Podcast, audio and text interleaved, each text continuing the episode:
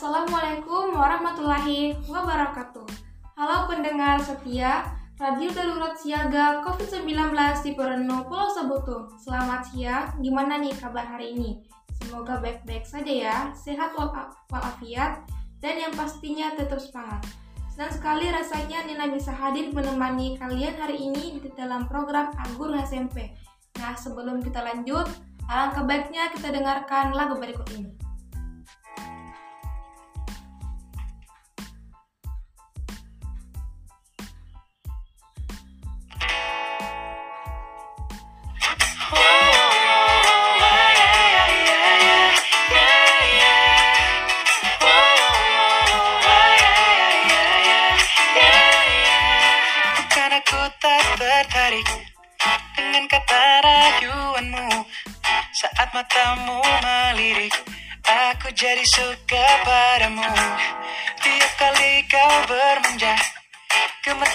Rasa di dada Ingin ku bisikan cinta Tapi hati ini malu jadinya. Engkau masih anak sekolah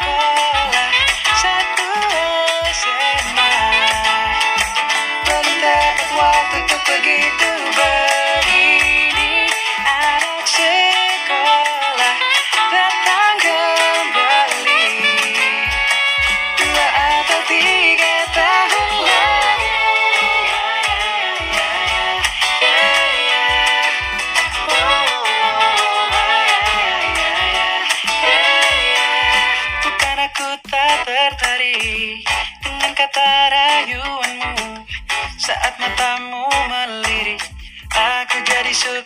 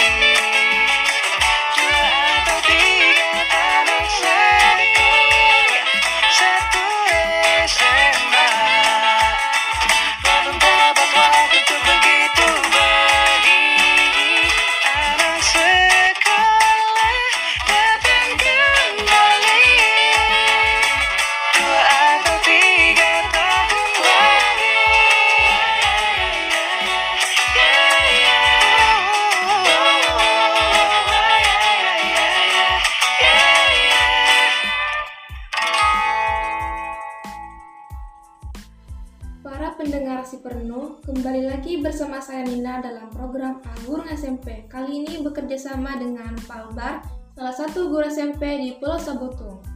Selamat siang, gimana nih Pak kabar hari ini? Alhamdulillah kabar saya baik kakak Nina. Dan materi apa yang akan Bapak bawakan? Ya, insya Allah materi kali ini pertemuan pertama ya di 2021 kakak Nina ya. Materinya saya akan bawakan materi pertama dari bahasa Indonesia teks anekdot kakak Nina.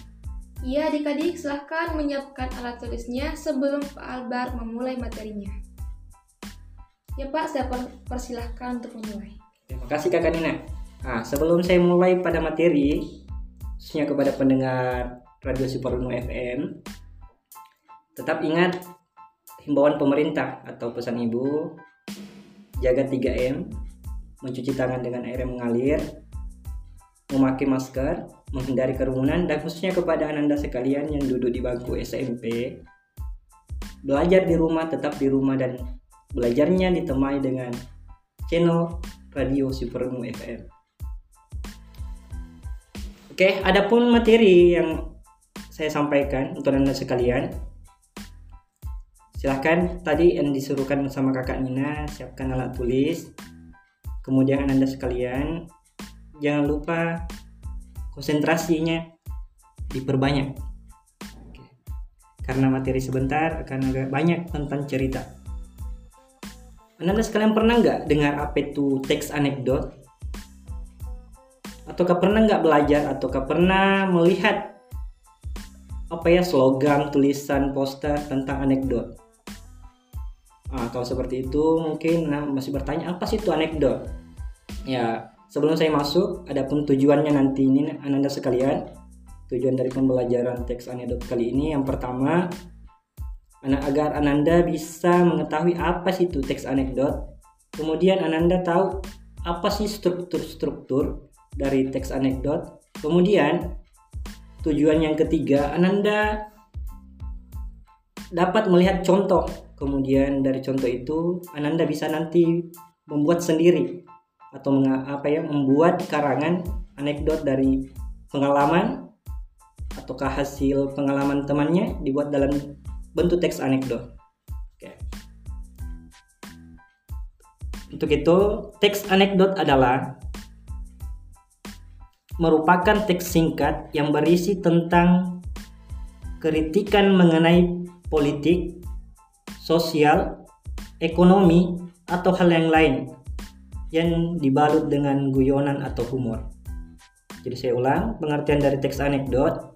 Teks anekdot merupakan teks singkat yang berisi tentang kritikan yang mengenai politik, sosial, ekonomi, atau hal yang lain yang dibalut dengan guyonan atau humor. Teks anekdot juga sering dijumpai dalam bentuk percakapan atau dialog atau gambar cerita pada umumnya, teks anekdot bermaksud untuk menghibur pembaca dengan guyonan sekaligus sindiran untuk pihak-pihak tertentu. Oleh karena itu, teks anekdot juga memiliki pesan moral yang ditujukan kepada pembacanya. Oke, supaya Nanda lebih tahu apa sih teks anekdot, ya saya bacakan atau Ananda boleh simak teks berikut. Nah, teks yang pertama yakni teks berjudul Pidato Nasruddin. Suatu ketika, orang-orang di kota mengundang Nasruddin untuk menyampaikan pidato di sebuah perkumpulan.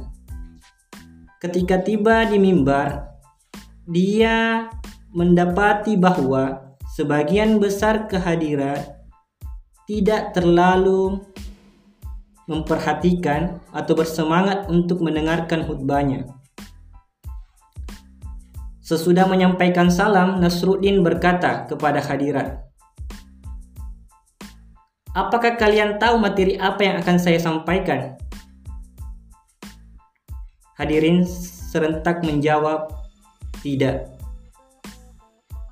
Oleh karena itu, Nasruddin berkata, saya tidak punya keinginan untuk berbicara kepada orang-orang yang tak mengetahui apa pun tentang apa yang akan saya bicarakan sekarang. Ia pun berjalan turun dari mimbar dan meninggalkan perkumpulan tanpa memberi pidato apa pun. Orang-orang merasa tidak enak hati dan mengundang Nasruddin lagi pada keesokan harinya. Pada keesokan harinya, sesampainya di mimbar, Nasruddin mengulang pertanyaan yang sama. Namun khalayak hadirin menjawab iya.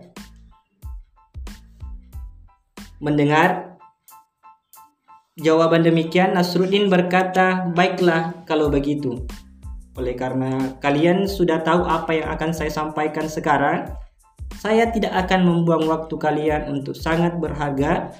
Waktu kalian sangat berharga karena kalian sudah mengetahui semuanya." Ia lalu turun dari mimbar dan berjalan pulang. Kali ini orang-orang benar-benar dibuat bingung dan akhirnya mereka memutuskan untuk mencoba mengundang sekali lagi Nasruddin agar datang lagi pada minggu depannya untuk menyampaikan pidato. Minggu depannya, ketika naik di mimbar, Nasruddin lagi-lagi menanyakan hal yang sama. Apakah kalian tahu materi apa yang saya sampaikan dalam khutbah kali ini? Kali ini hadirin sudah siap-siap untuk pertanyaan itu. Sebagian dari mereka menjawab tidak dan sebagiannya lagi menjawab iya. Nasruddin pun berkata lagi, Baiklah, kalau begitu sekalian yang sudah tahu bisa menceritakan kepada sebagian yang lain yang belum tahu. Dan ia pun lagi-lagi kembali turun meninggalkan mimbar. Itulah tadi teks anekdot yang sempat saya sampaikan yang berjudul Pidato Nasruddin. Oke teman-teman, sebelum kita lanjut, kita dengarkan lagu berikut ini.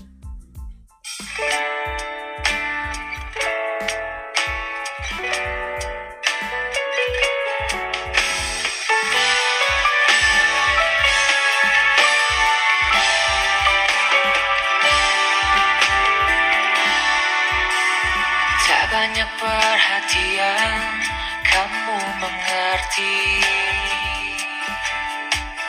Tak harus ada bunga, kamu mengerti. Ku tak selalu ada, kamu mengerti. Cinta tanpa terucap, kamu mengerti. Mestinya kamu bisa tinggalkan diriku ini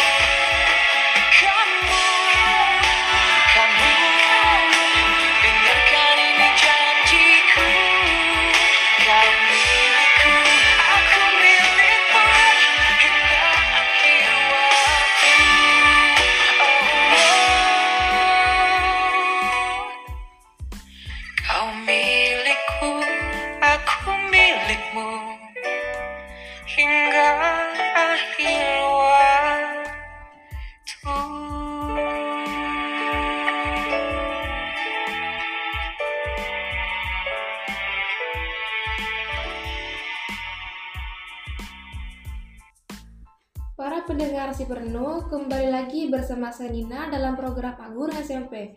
Ya, untuk kali ini saya persilahkan untuk Pak Albert melanjutkan materinya.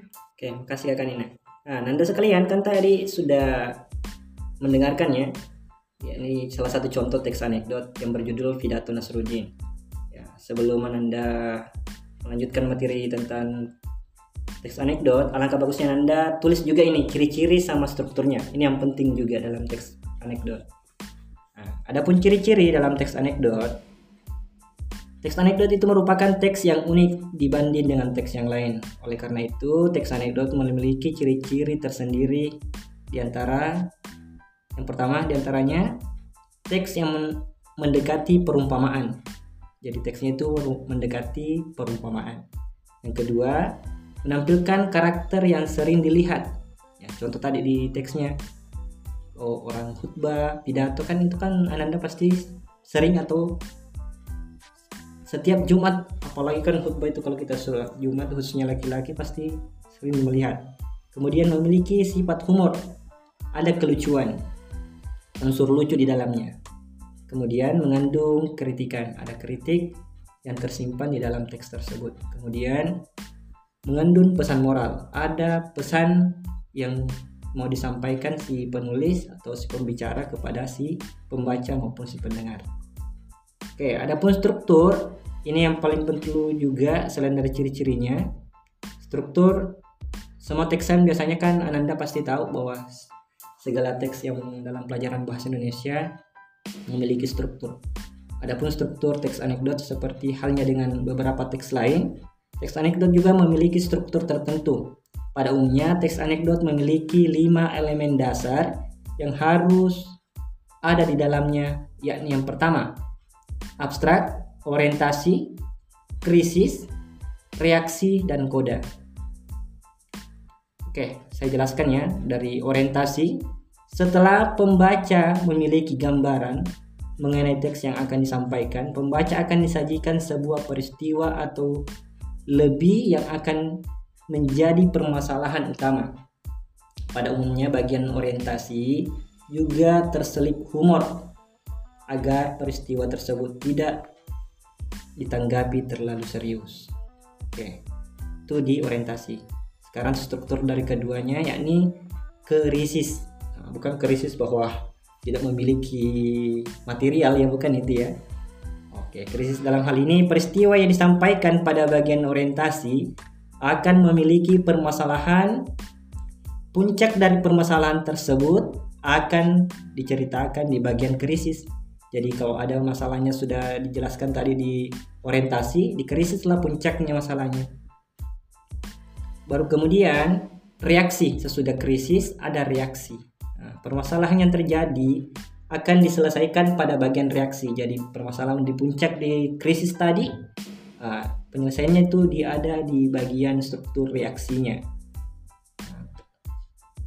Terkandung solusi dari permasalahan yang ada yang digunakan, terkadang unik dan menghibur juga solusinya. Selain itu, kritikan juga tak jarang diselipkan pada bagian reaksi. Sesudah reaksi, struktur yang terakhir yakni koda. Ah, bagian terakhir dari teks anekdot adalah koda. Pada umumnya, koda berisi tentang pesan moral yang didapatkan dari cerita yang ada pada teks anekdot. Ya, jadi dari struktur, dari ciri-cirinya. Oke, khususnya tadi tentang teks yang pertama ya, yang saya bacakan tentang pidato Nasruddin. Anda sekalian, kenapa teks tersebut dikatakan teks anekdot? Atau dikategorikan sebagai teks anekdot, yakni kenapa sebuah teks dikategorikan sebuah teks anekdot ceritanya lucu atau menggelitik yang bertujuan memberikan suatu pelajaran tertentu. Jadi bukan hanya lucu saja. Usahakan ada tujuannya yakni memberikan suatu pelajaran tertentu. Nah, kisah dalam anekdot juga biasanya melibatkan tokoh tertentu yang bersifat faktual atau terkenal. Jadi tidak sembarang toko. Misalkan tokonya tuh kenal betul-betul ada, faktual. Nah, dengan demikian anekdot tidak semata-mata menyajikan hal-hal yang lucu, goyonan ataupun humor. Akan tetapi, terdapat pula tujuan lain di balik cerita lucu itu, yakni berupa pesan yang diharapkan bisa memberikan pelajaran kepada halayak atau banyak orang. Nah, seperti pada contoh yang saya bacakan tadi tentang pidato Nasruddin, kelucuan tampak pada sikap Nasruddin yang membe ini yang membuat bingung jamaah atau para pendengarnya. Dari tiga kali diundang, ia sama sekali tidak berkhutbah, tetapi cukup bertanya kepada halayak paham atau tidaknya jamaah akan materi khutbah yang akan dia sampaikan. Ada hikmat atau pesan ataupun pelajaran yang dapat kita petik dari anekdot tentang teks pidato Nasruddin tersebut. Coba kalian perhatikan dari saya bentuk deh ya. Saya jelaskan satu persatu dari teks Nasruddin tadi, mulai dari abstraknya, orientasinya, krisis, reaksi, sampai kodanya.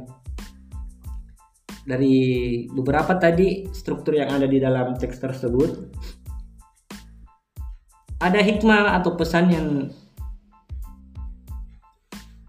pelajaran yang dapat kita petik dari anekdot tersebut apa? Ini di antaranya jamaah ada yang sudah mengetahui materi yang akan disampaikan. Sebaiknya mereka saling berbagi ilmu dan tidak perlu mendatangkan orang lain. Nah, dengan demikian Nasruddin tidak perlu repot-repot memberikan khutbah atau menceramahi mereka. Nah, nilai kedua dari teks anekdot tersebut adalah hendaknya kita menghargai orang yang sedang berbicara dengan menyimak baik-baik. Jadi dari teks anekdot yang tadi dia mengandung dua pelajaran. Yang pertama, berbagi ke baik yang sudah tahu sampaikan kepada yang belum tahu. Kedua, hargailah siapa yang tampil. Biasanya kita diajar oleh guru, jangan lihat siapa yang tampil, tapi lihatlah apa yang dia tampilkan. Oke teman-teman, sebelum kita lanjut materinya, kita dengarkan lagu berikut ini. Kau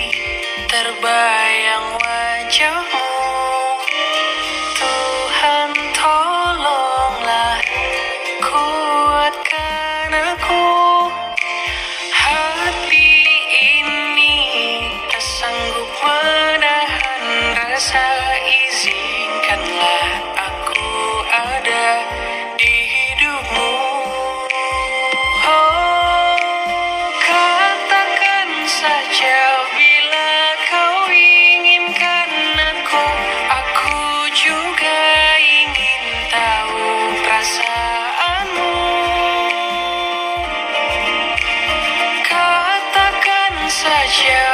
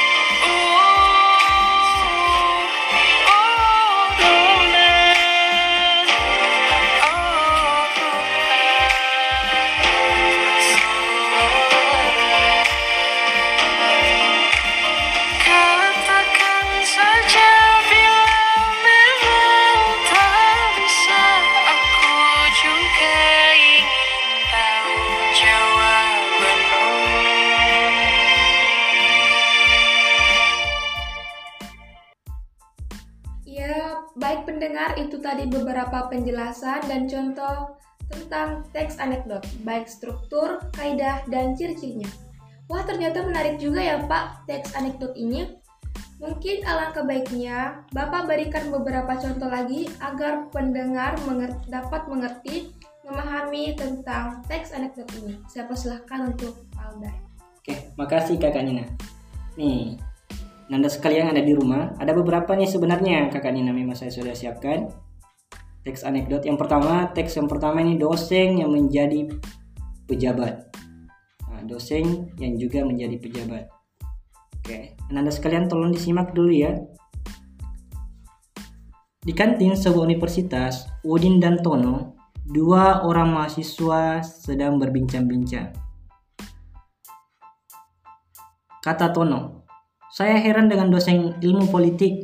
Kalau mengajar selalu duduk, tidak pernah mau berdiri. Jawab Udin, ah gitu saja diperhatikan si Ton.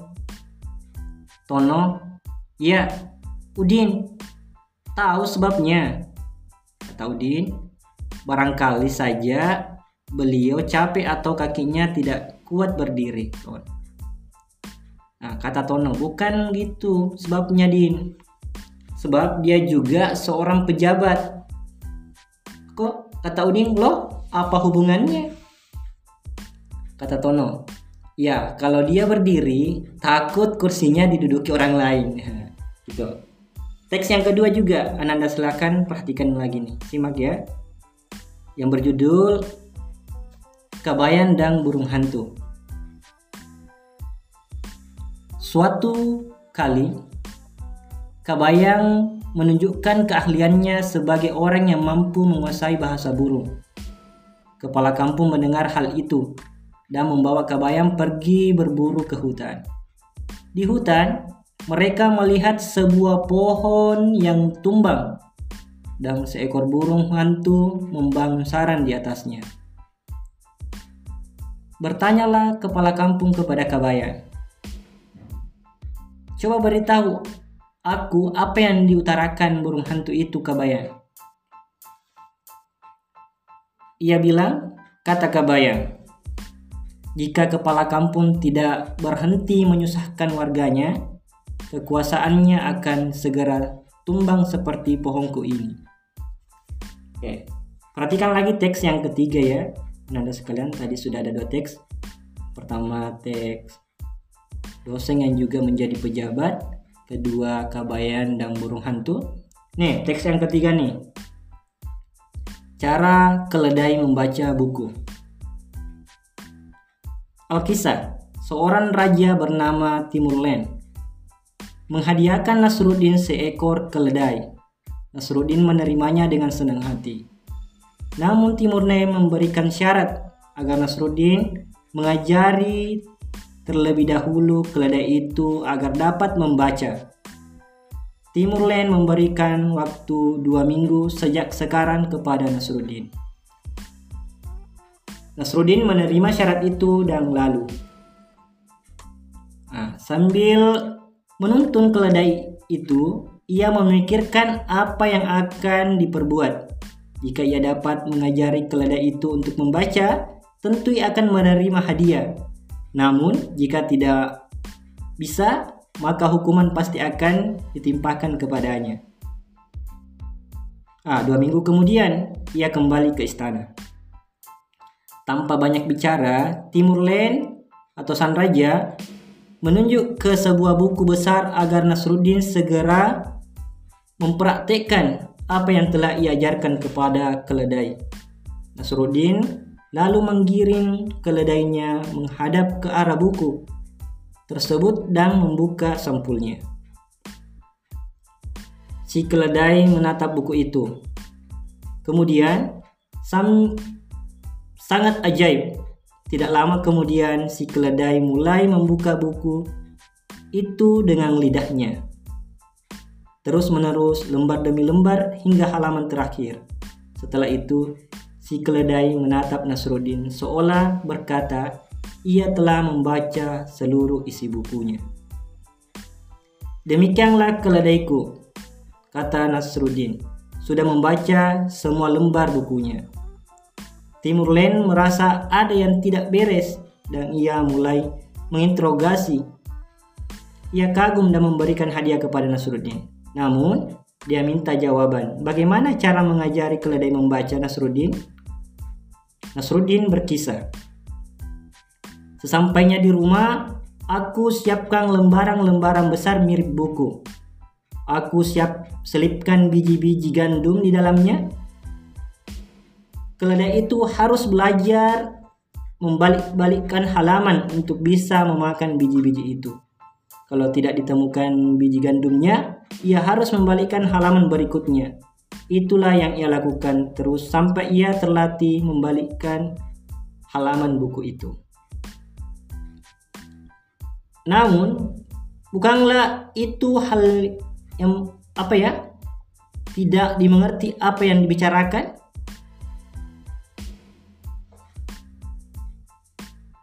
Tugas Timurlen. Nasruddin menjawab. Memang demikian cara keledai membaca. Hanya membalik-balikan halaman tanpa mengerti isinya. Jadi, kalau kita juga membuka buku tanpa mengerti isinya, berarti kita sebodoh keledai, bukan? Kata Nasruddin dengan mimik serius. Nah, jadi Ya. itu ada beberapa tiga kakak Nina teks anekdot. Ya teman-teman, untuk melanjutkan contoh teks teksnya, kita dengarkan lagu berikut ini.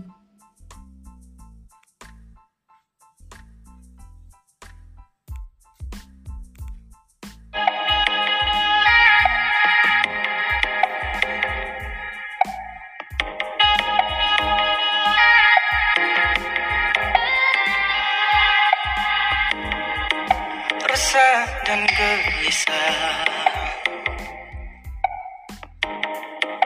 Menunggu di sini. Di sudut sekolah tempat yang kau janjikan. Ingin jumpa denganku walau mencuri waktu. Berdusta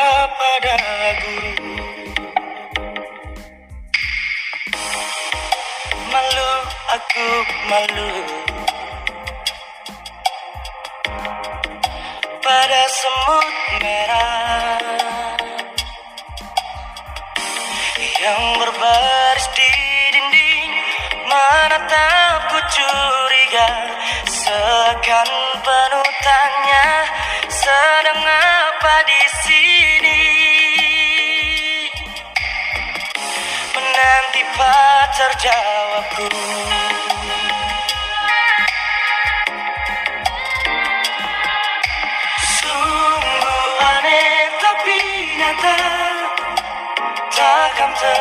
terlupa Kisah kasih di sekolah? Dengan si dia Tiada masa paling indah. Masa-masa di sekolah Tiada kisah paling indah. Kisah kasih di sekolah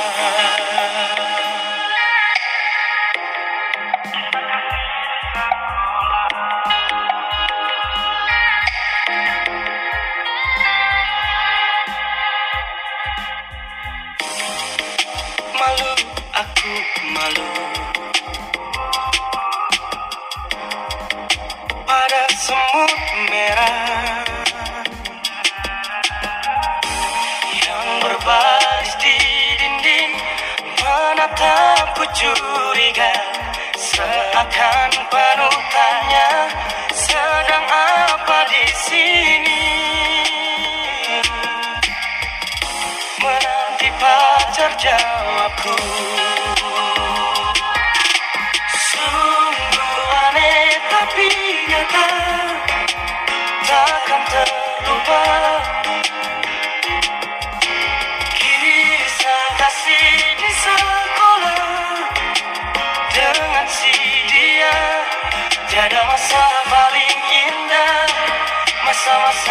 sekolah Tiada kisah paling indah Kisah kasih di sekolah. Sungguh aneh tapi nyata Takkan terlupa. Kisah kasih di sekolah Dengan si dia Tiada masa Masa-masa di sekolah. Tiada kisah paling indah Kisah kasih di sekolah.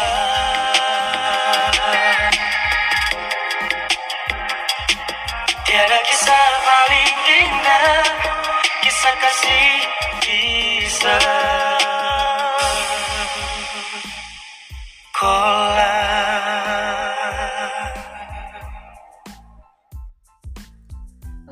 pendengar, dari beberapa teks yang dibacakan Pak Albar tadi, mungkin Pak Albar ingin memberi- memberikan penjelasan dari contoh teks yang dibacakannya. Silakan Pak. Terima kasih kakak Nina. Oke, saya sampaikan ya eh, penjelasan yang mungkin karena tadi saya sebutkan tiga contoh. Inilah salah satunya. Dosen yang berjudul ya, dosen yang juga menjadi pejabat. Anda sekalian kan sudah simak tadi bahwa ada dua pemuda ya dari universitas berbincang tentang dosen apa arti dari pembincangan tuh bicara yang ada pembicaraan dalam teks tersebut? Ini kritik yang disampaikan di- ini ditujukan kepada para pejabat bukan dosen sebenarnya tapi dia ditujukan kepada para pejabat yang takut dan tidak mau turun dari jabatannya kan di situ kan tadi dia katakan di percakapannya saya heran dosen ilmu politik kalau ngajar selalu duduk, tidak pernah mau berdiri. Nah, kata temannya dijawab dari Tono tadi, kemudian dijawab sama Udin, ah gitu saja kok diperhatikan si Tuan. Nah, itu.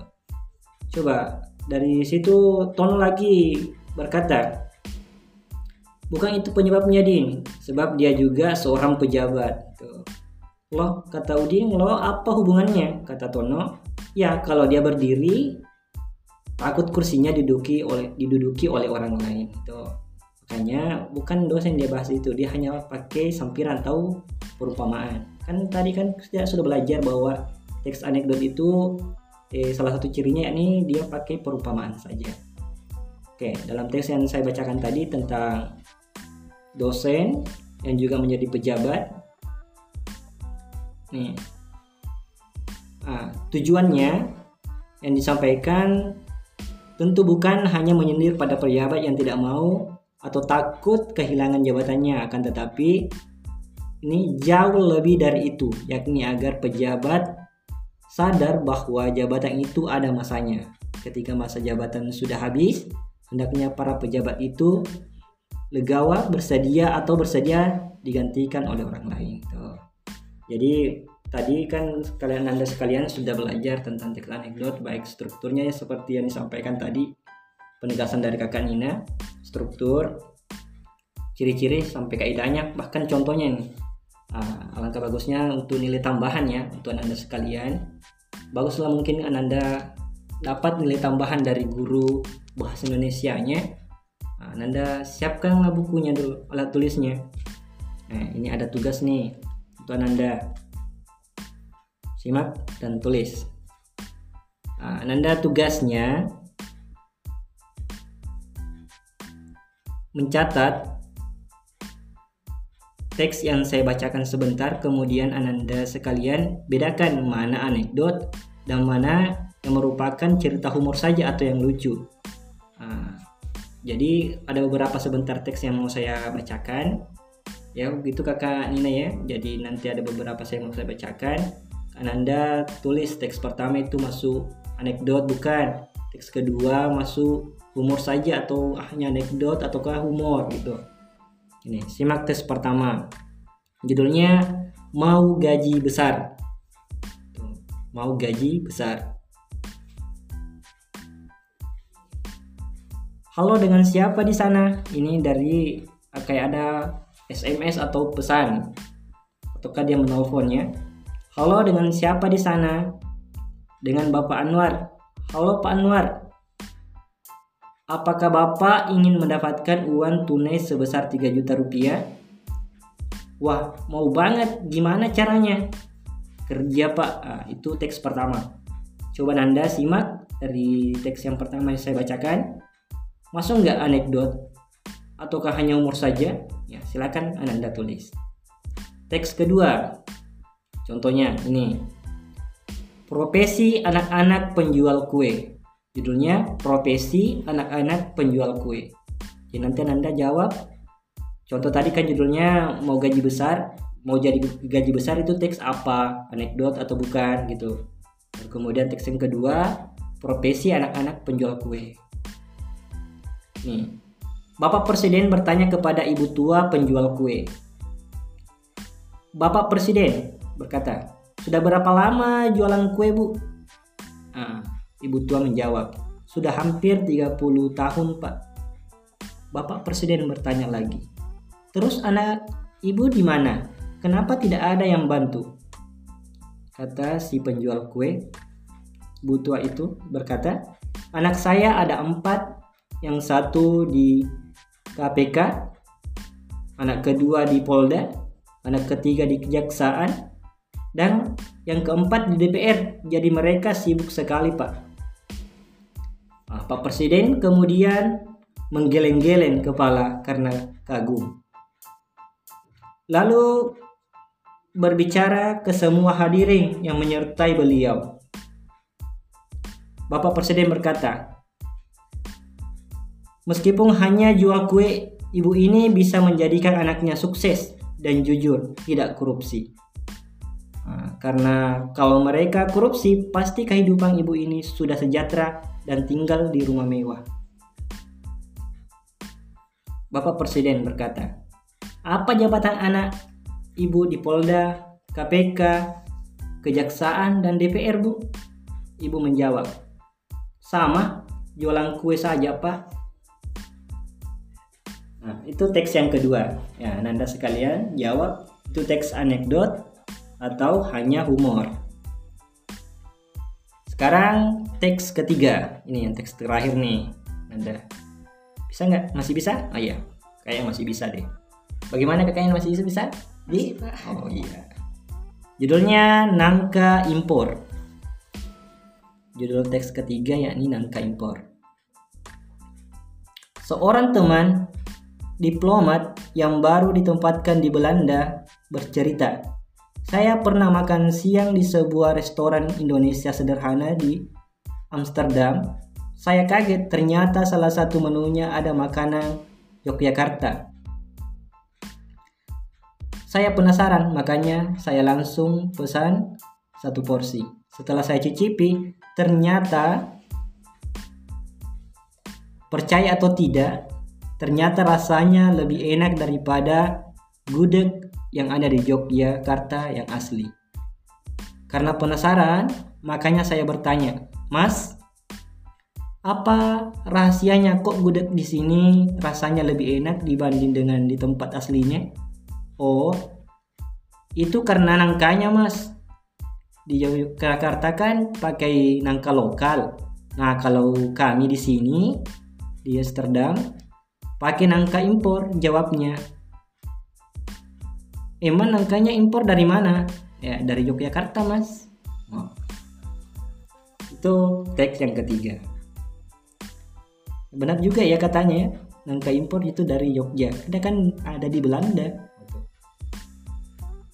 Sekarang teks keempat ini. Tadi saya bilang teks terakhir enggak apa-apa tambah satu ya Kak Nina. Iya Pak. Ya, supaya Anda lebih paham. Supaya nanti jawabannya ada nilai tambahan untuk gurunya. Dari gurunya maksud saya. Oke, teks 4. Sebuah mobil ambulans yang mengangkut beberapa orang pasien sakit jiwa terpaksa berhenti di tengah jalan karena bannya bocor. Ketika sedang mengganti ban, si sopir tak sengaja menendang keempat bautnya sehingga masuk selokan. Dengan panik si sopir berteriak, Waduh, bagaimana gue bisa pasang ban kalau bautnya hilang? Nah, dengar teriakan itu, salah seorang pasien gila nyelungut berkata, Bang, copoting aja tuh satu buah dari masing-masing tiga roda lainnya. Terus pasang ke banknya, jadi masing-masing dan dapat tiga baut. Ntar kalau ada toko baut, tinggal beli empat baut saja ban. Itu. Mendengar usulan pasien gila tersebut, si sopir langsung lega. Pinter lu. Kenapa masuk rumah sakit jiwa sih? Pasien itu menjawab, Hello, please deh. Kita ini cuma gila, bukan bego kayak lu. Jadi teks yang keempat, coba anda sekalian. Itu masuk humor atau anekdot. Nah, mungkin itu saja materi dari teks anekdot untuk kali ini, kakak Nina. Jadi angka bagusnya untuk anda sekalian, pesan terakhir dari saya, anda sekalian tolong tetap di rumah. Tadi pesannya jaga jaga kesehatan, ya cuci tangan dengan air mengalir, pakai masker, hindari kerumunan dan yang paling penting ini anda sekalian tetap ikuti siaran dari radio Sipureno. Oke, makasih kakak Nina. Saya akhirnya kata wallahu muwaffiq komentari. Assalamualaikum warahmatullahi wabarakatuh. Ya, terima kasih Pak Albar atas pembelajarannya untuk hari ini. Semoga para pendengar di rumah dapat mengerti, memahami mat- materi yang tadi Bapak berikan. Ya, para pendengar, nggak terasa hampir satu jam menemani kalian semua. Untuk itu, sebelum Nina tutup pembicaraan kali ini, Nina mohon maaf bila terjadi kesalahan dalam tutur kata dan bahasa. Oke, Senina yang bertugas mohon pamit undur dari ruang bicara, ruang pendengar. Saya akhiri, wassalamualaikum warahmatullahi wabarakatuh.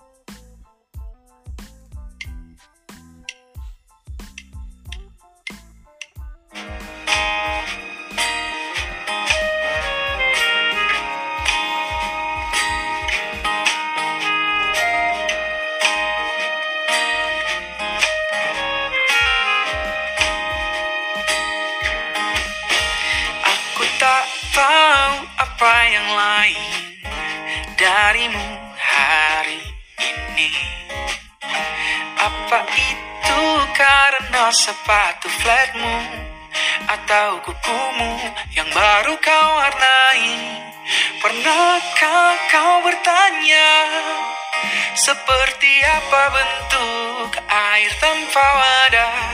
Pernahkah kau mengira seperti apa bentuk cinta?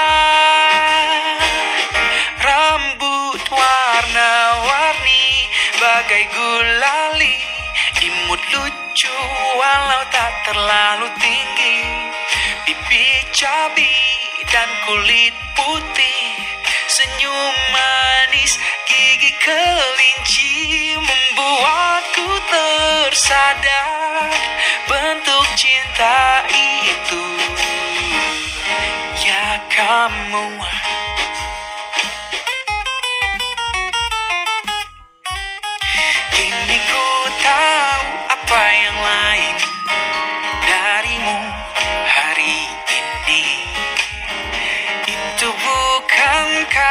sepatu flatmu Atau kukumu yang baru kau warnai. Pernahkah kau bertanya Seperti apa bentuk air tanpa wadah? Pernahkah kau mengira Seperti apa bentuk cinta? Rambut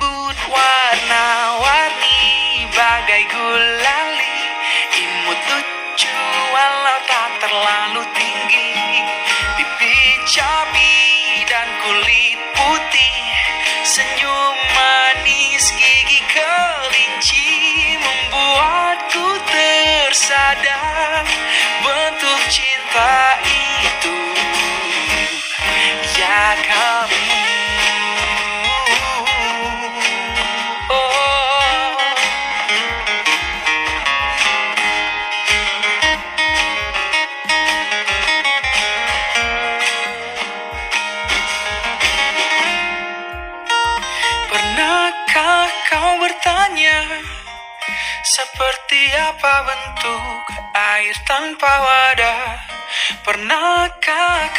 mengira Seperti apa bentuk cinta. Oh, oh. Rambut warna-warni Bagai gulali Imut lucu walau tak terlalu tinggi. Pipi cabi dan kulit putih. Senyum manis gigi kelinci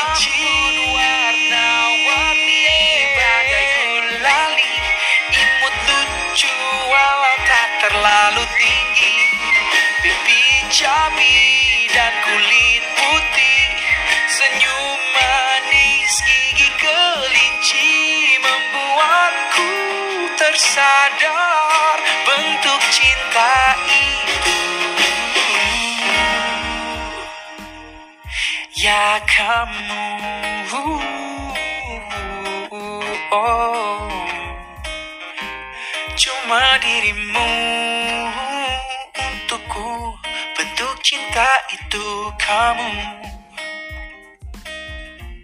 Oh ya kamu